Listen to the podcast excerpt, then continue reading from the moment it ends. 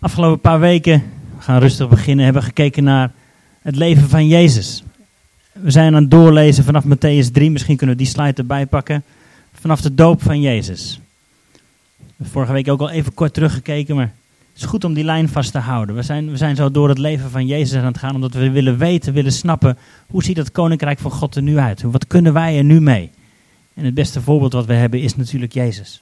We hebben gekeken hoe hij gedoopt werd. En een paar weken geleden hebben we een doopdienst gehad. Dat zouden we tof vinden om, om eventueel begin september nog een keer te doen. Dus als je denkt, hé, hey, dat is wel mijn stap.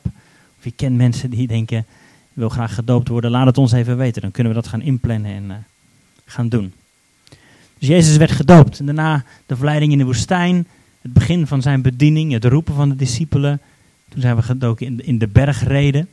Zalig zijn zij, die, enzovoort. Hebben we helemaal doorgelopen. Uh, heeft gekeken naar de verlangens van ons hart en hoe die door het volgen van Jezus juist vervuld worden. En vorige week zijn we begonnen met zout en licht. Ook vanuit Matthäus hoofdstuk 5. Dus we zijn zo gewoon door de Bijbel aan het gaan met z'n allen. Dat is toch onze houvast. En dan kom je ook in één keer langs stukken waarvan je denkt, wat moet ik daar nou mee? En het is heel verleidelijk om als, als voorganger, als spreker te zeggen, nou weet je wat, ik kies een onderwerp en daar zoek ik een bijbeltekst bij. We gaan het nu eens anders doen, we gaan gewoon door de Bijbel heen. En kijken wat zegt dat tot ons nu? Wat kunnen we daar nu mee? Wat wil de Heilige Geest daardoorheen spreken? Dus Matthäus hoofdstuk 5 vanaf vers 17. En bij mij staat er boven Jezus en de wet. Ik heb het niet allemaal uh, hier opgetypt. Je moet toch echt je eigen Bijbel hebben. Jezus en de wet. En we gaan gewoon een heel stuk lezen. En zeggen wat dat voor ons nu doet. Meen niet, zegt Jezus tegen zijn discipelen, tegen al die mensen die op de berg zitten. Meen niet dat ik gekomen ben om de wet of de profeten te ontbinden. Ik ben niet gekomen om te ontbinden, maar om te vervullen. Want voorwaar ik zeg u, eer de hemel en de aarde vergaan, zal er niet één jota of één titel vergaan van de wet, eer alles zal zijn geschied. En wie dan een van deze kleinste geboden ontbindt en de mensen dat ook leert, zal zeer klein heten in het koninkrijk der hemelen. Maar wie ze doet en leert, die zal groot heten in het koninkrijk der hemelen. Want ik zeg u, als je gerechtigheid niet overvloedig is, meer dan die van de schriftgeleerden en fariseeën, dan zul je het koninkrijk van God niet binnengaan. Huh?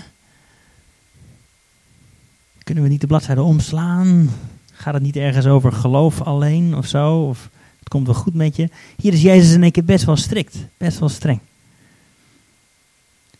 Ik hoorde pas een verhaal van een oud vrouwtje die uh, in Amerika, het gebeurt allemaal in Amerika natuurlijk, oud vrouwtje die, uh, die boodschappen aan, aan, het doen was. En uh, die liep met volle tassen terug naar de auto. En dan zag ze bij haar auto vier volwassen mannen staan die de achterklep open hadden. Die probeerden in haar auto te komen.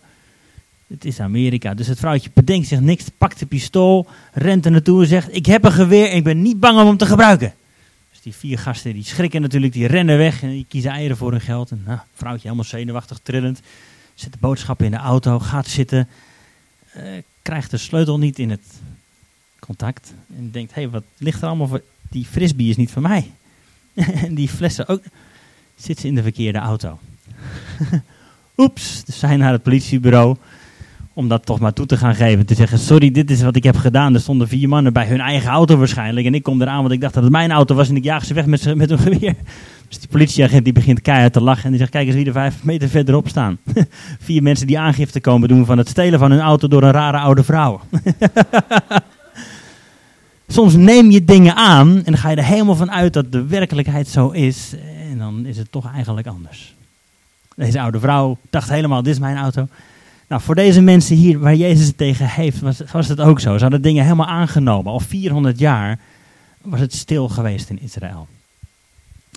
Al 400 jaar waren er geen profeten geweest die hadden gezegd, zo spreekt God. Israël, je moet dit doen, je moet daarmee stoppen, enzovoort, enzovoort. Het enige wat Israël nog had was de Torah, de wet en de profeten, de boeken. Zwart op wit, op papier, zo stond het er. En daardoor hadden ze allerlei dingen aangenomen. En ze hadden het misschien voor zichzelf soms wel wat makkelijker gemaakt. Ze hadden de Bijbel voor zichzelf laten spreken in plaats van de Bijbel voor zich laten spreken. Ja, blij dat we dat tegenwoordig niet meer hebben. Maar toen wel. En nu nog steeds natuurlijk. Er was alleen de letter. En Jezus leerde later ook, de letter zonder de geest dood. Als er geen levende relatie is en alleen maar de wet, dan zul je sterven. Jezus zegt later tegen de fariseeën, jullie doorzoeken de hele Bijbel, jullie doorzoeken de hele Bijbel en je denkt dat daarin leven is, maar wat je vergeet is dat die Bijbel spreekt over mij en dat er in mij leven is. Dus deze mensen waar Jezus tegen had, hadden een heleboel dingen aangenomen. En, eh, verderop gaat het daar ook nog over. Als, als, ze gingen er eigenlijk vanuit, als ik maar ongeveer doe wat er staat, dan ben ik rechtvaardig. En als ik het iets beter doe dan iemand anders, dan is hij minder rechtvaardig. Maar Jezus komt hier om in te breken en te zeggen, joh, je hebt het niet begrepen. Ik ben niet gekomen om dit allemaal te veranderen. Om het je makkelijker te maken of veel moeilijker te maken. Ik ben niet gekomen om die wet te veranderen. Ik ben gekomen om jou te veranderen. Om de wet te vervullen, zegt hij in een andere vertaling staat om de werkelijke betekenis te laten zien. Nou, tegenwoordig, het is een beetje een moeilijk stukje natuurlijk, zeker als je doorgaat over, over scheidingen en al dat soort dingen. Er zitten hele diepe lagen achter, geloof ik. Maar wat wel tegenwoordig populair is, is, is genade. Weet je, de wet is niet meer, het gaat, alles is genade. Het maakt allemaal niet meer uit wat je doet als je maar gelooft. En ik denk dat Jezus daar hier, hiermee wil zeggen, het zit toch een beetje anders genade, eh, in het Grieks charis, betekent niet alleen maar je zonden zijn vergeven. Het is ook de kracht die in je wil wonen om je anders te laten leven. Als e-, het enige wat genade voor jou is, je zonden zijn vergeven, dan is het maar heel klein. Dan is je begrip van wat Jezus echt wil doen heel klein. Natuurlijk is genade overvloedig. En ik geloof dat Jezus zegt tegen zijn discipelen, als iemand iets verkeerds tegen je doet, vergeef hem 70 keer 7 maal. Oftewel oneindig, voor altijd. En ik geloof dat God zich aan zijn eigen wetten houdt. Dus dat zal ook voor God gelden. Als wij onze zonde beleiden, is hij trouw om te vergeven. Dus als jij en ik zondigen, wil God dan vergeven? Ja, natuurlijk. Maar als jij en ik zondigen, is ons leven nog wel steeds een rommeltje als gevolg daarvan. Daar moeten we gewoon mee stoppen. Dus genade is niet alleen maar, joh, het geeft niet, het komt wel goed genade is ook diep van binnen veranderd worden om anders te gaan leven. Hetzelfde woordje charis komt ook terug in charismata. Dat, zijn de gaven van de Heilige Geest. Dus de genadegaven, waarin die wel van binnenuit wil komen om ons te veranderen, om ons anders te willen laten leven. Jezus heeft het hier over. Als je gerechtigheid niet overvloedig is, dan kun je het koninkrijk van de hemel niet binnengaan. Best heftige taal. Verderop, en dat moet je maar eens doorlezen, uh, eigenlijk de rest van die hoofdstuk 5, gaat het over niet doodslaan. Jezus zegt, je hebt gehoord dat er is gezegd, je zult niet doodslaan. Maar Jezus brengt het naar binnen, naar het hart. En die zegt, zelfs al haat je iemand maar van binnen en doe je er niks mee, dan heb je in je hart toch al iemand vermoord. Dus wat Jezus eigenlijk doet is de binnenkant aanpakken. Niet alleen maar kijken naar de buitenkant en jezelf vergelijken met anderen van, oh, ik doe het wel beter dan hij, beter dan zij. Nee, nee, Jezus kijkt naar het hart. Een mooie uitspraak vind ik altijd, en het geldt nog steeds wereldwijd. Het hart van het probleem is altijd het probleem van ons hart. Het hart van het probleem is altijd het probleem van je hart. En dat is wat Jezus is gekomen te doen. Om ons hart aan te raken en te veranderen. Hij gaat verder dan de letter van de wet. Heb ik opgeschreven. Hij kijkt naar de principes en naar het veranderen van ons gedrag. En dat is iets waar we denk ik, continu mee bezig kunnen zijn. Natuurlijk is het belangrijk de juiste dingen geloven, maar uiteindelijk gaat het er ook op om, wat, wat doe jij nou ermee dan? Leuk raadsel. Ik ben je constante metgezel. Ik ben je grootste helper of ik ben je zwaarste last. Ik zal je verder duwen of ik sleep je naar beneden in mislukking. Ik sta volledig tot jouw beschikking.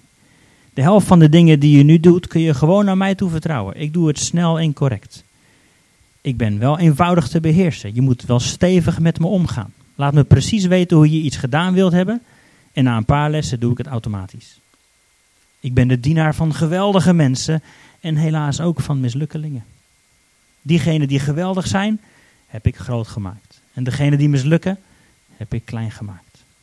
Ik ben geen machine, al werk ik wel met de precisie van een machine en de intelligentie van een persoon. En of je mij nu gebruikt voor je winst of verlies, het maakt mij niet uit. Neem mij, train mij, wees stevig met me En ik zal je helpen om de wereld te veroveren. Maar wees gemakkelijk met me en ik zal je vernietigen. Rara, wat ben ik? Ik ben een gewoonte. Ik ben een gewoonte. Een mooie uitspraak is: We zijn wat we herhaaldelijk doen. We zijn wat we herhaaldelijk doen. En uiteindelijk is het wel heel confronterend. Hoe zit het met onze gewoontes? Nou, nogmaals, laten we kijken naar, naar wat waren de gewoontes van Jezus. Een paar dingen als je zo de evangelie doorleest en ziet hoe het leven van Jezus eruit zag, dan zie je, uh, het was een van zijn gewoontes om te bidden. Even alleen de berg op, alleen met de Vader. Dat deed hij toen de discipelen uitzocht. Maar nog op veel meer momenten zie je dat Jezus zich terugtrok uit de drukte, even alleen, om te overleggen met de Vader, om te horen van Hem. Dat was een gewoonte van Jezus. Een andere gewoonte is dat hij naar de synagoge ging, of naar de tempel ging, om daar God te aanbidden. Samen met anderen, dat was de plek waar hij wilde zijn. Het was zijn gewoonte om te lezen, Bijbel te lezen, of toen de tijd de Torah, de profeten en de wet. Het was ook zijn gewoonte om samen te eten. Dat zie je heel vaak terugkomen, dat hij bij mensen thuis aan het eten is. Goede gewoonte. Het was zijn gewoonte om bij het uitschot te zitten. Bij de prostituees, bij de tollenaars, noem maar op. Bij mensen waar je eigenlijk niet bij gezien wilde worden. Dat was zijn gewoonte om juist daar wel te zijn. En het was zijn gewoonte om met zijn discipelen op te trekken. En dat zie je hier op de berg met een hele, hele stapel, een heleboel mensen die bij hem waren. Andere keren zijn het alleen de twaalf. Uh, en weer andere keren zijn het alleen die drie. Petrus, Jacobus, Johannes. Maar het was zijn gewoonte om met discipelen op te trekken. Om dingen over te brengen. Om samen het leven te delen. Af en toe ook zijn zorgen te uiten. Te vragen, wil je voor me bidden? Want ik kan het alleen even niet. Dat we samen optrekken. En, en als we dit zo, dit lijstje eens erbij pakken voor onszelf. Hoe kunnen we ervoor zorgen dat net zoals in Matthäus 5, Jezus en de wet waar hij het over heeft, over, over in gerechtigheid leven. Over je daden voor zich laten spreken. Over je hart laten veranderen. En dat je je gedrag door laten werken. Dan gaat het uiteindelijk ook gewoon heel simpel over onze gewoontes. Wat zijn wij gewoon om te doen? Als we dit, dit, lijstje nou eens over onszelf heen leggen, is het, is het jouw gewoonte om te bidden? Oei. Dan kijk ik natuurlijk allereerst naar mezelf. Is het mijn gewoonte om te bidden? Ja, op zich wel, maar ja. Kan wat beter of meer of echter in ieder geval. In plaats van alleen maar mijn lijstje af te werken met dingen die ik graag zou willen. Is dat nou bidden? Nou, nee, niet per se eigenlijk. Bidden is ook gewoon luisteren naar God. Heer, wat mag ik bidden? komen we over een paar weken op. Als we zo doorgaan, dan komen we vanzelf bij het Onze Vader. Waarin de discipelen vragen, Jezus, leer ons bidden alstublieft. Nou, dan gaan we daar naar kijken. Is dat onze gewoonte om te bidden? Is het onze gewoonte om naar de, nou, we gaan niet naar de synagoge misschien, maar is het onze gewoonte om naar de kerk te gaan? Is dat wat we deel uitmaken van onze, nou, noem het routine. Het is misschien een heel vies woord, maar het is wel een heel gezond iets om deel uit te maken van een groep die groter is dan jezelf. Om een club mensen die samen verlangt naar wat God wil. Is dat onze gewoonte? Of is het, nou we hebben vakantie, weet je wat, we zijn vrij van kerk. Misschien zijn wij wat een apart slagvolk, Heidi en ik, maar dit is de plek waar we willen zijn. Eigenlijk, onze werkgroep zegt, joh neem nou vakantie. Ik zou geen plek weten waar ik anders wil zijn.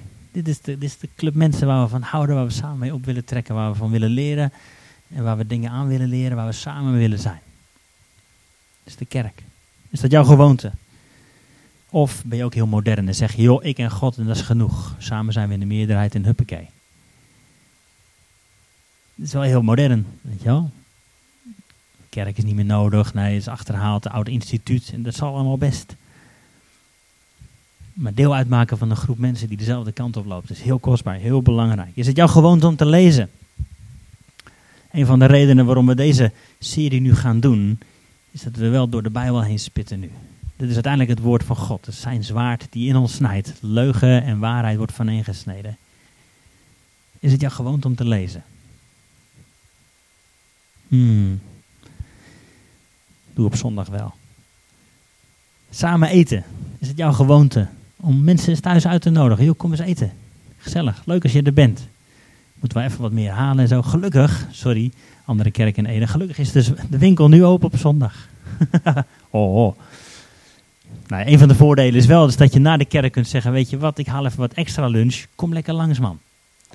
Hoef je niet meer op zaterdag aan te denken. Je gewoon zondag even snel langs de winkel. Even. Is het je gewoonte om samen tijd door te brengen? Het is toch vaak dat de beste gesprekken komen als je samen zit. Lekker eten. Je gaat even snel nergens heen. Is het jouw gewoonte? Andere gewoonte van Jezus was met, ik noemde dat het uitschot, met de, de, de prostituees, met de tollenaars, met de mensen met wie je niet gezien wilde worden. Is dat een van onze gewoontes als kerk, als individu, als gezin? Best een confronterende vraag. Ik vond het fantastisch wat Willemijn vertelde. Nou zijn onze bejaarde medemensen geen uitschot tussen aanhalingstekens natuurlijk. Het zijn wel mensen waar je echt naar uit moet reiken, waar je naartoe moet gaan, wat je wat kost. Heel mooi voorbeeld maakt dat ons ook jaloers. Dat we denken, hé, hey, kinderen doen het, zouden wij ook niet zoiets kunnen of moeten gaan doen of zo. Dus als je daar ideeën voor hebt, als jij daar hart voor hebt, fantastisch. Of het nou op zondagochtend is of op zaterdagavond. Maar is het onze gewoonte? En met andere gelovigen. Jezus trok op met zijn discipelen, met grote groepen en met kleine groepjes. Een paar van de studentenverenigingen hier in Ede hebben dat als gewoonte om met triades noemen ze het volgens mij op te trekken. Met groepen van drie of kleinere groepen om elkaar vragen te stellen. Uh, hoe gaat het ermee? Hoe gaat het er nou echt mee als niemand kijkt, zeg maar? Is het ook onze gewoonte? En dat kost je wat. Is het onze gewoonte om op te trekken met andere gelovigen?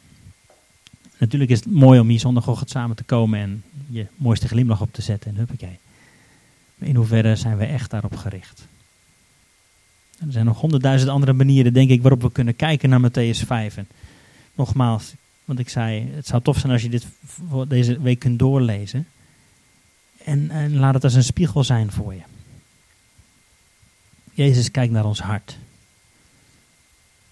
Wat gebeurt er van binnen en dat gaat doorcijpelen naar buiten. Dat wordt absoluut zichtbaar. Wat we vorige week ook zeiden, we zijn zout en we zijn licht. Wat we doen wordt gezien. Mensen zien wat je doet. Je bent een ambassadeur van het koninkrijk. Wat zijn jouw en mijn gewoontes? Als kerk, wat zijn onze gewoontes? Een van de voordelen natuurlijk, omdat we als nieuwe kerk begonnen, is dat we heel doelbewust konden zeggen, nou weet je wat, dit doen we wel, dit doen we niet. Uh, wat we belangrijk vinden bijvoorbeeld is als je hier voor de eerste keer binnenkomt, dat je dat je, je thuis voelt, dat je je welkom voelt. Een klein cadeautje, heel simpel, maar dat helpt. Vinden we belangrijk. Dat is onze gewoonte. Onze gewoonte om te bidden met elkaar, om avondmaal samen te vieren. Het is bijvoorbeeld niet onze gewoonte om hier op zondagochtend een half uur in, in tongen te zingen en te profiteren. Geloven we daar niet in? Ja, geloof ik best in. Heel veel gedaan.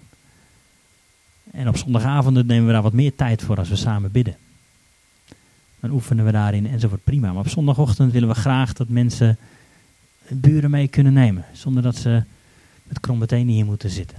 Dus dat zijn een paar van onze gewoontes. En die gaan we nog steeds meer met elkaar vormgeven natuurlijk. Maar wat zijn jouw en mijn gewoontes? Zijn we gewoon om te bidden? Om naar de kerk te gaan, om te lezen, om gemeenschap met elkaar te hebben, om te eten, om uit te zien naar anderen. En om echte relaties te hebben met elkaar.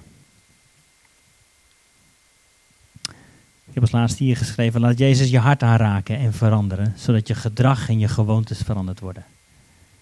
Zou dat niet fantastisch zijn als we mensen zijn die gewoon zijn om goed te doen? Om onze rechtvaardigheid, zoals Jezus dat noemt, te laten spreken. Dat is ook waar hij vorige week mee eindigde. Laat zo je licht schijnen voor mensen, opdat ze je goede werken zien en opdat ze je Vader in de hemel zullen verheerlijken. En natuurlijk geloof ik in genade is alles. En we zijn ook niet geschapen, we worden niet gered, sorry, we, zijn ook niet, worden niet gered door goede werken. Maar ik geloof wel dat we gered zijn eh, voor goede werken. We zijn niet gered door goede werken te doen. Maar dat het resultaat van onze redding is dat we goede werken gaan doen. Zo gaan staan, dan gaan we daarmee afsluiten.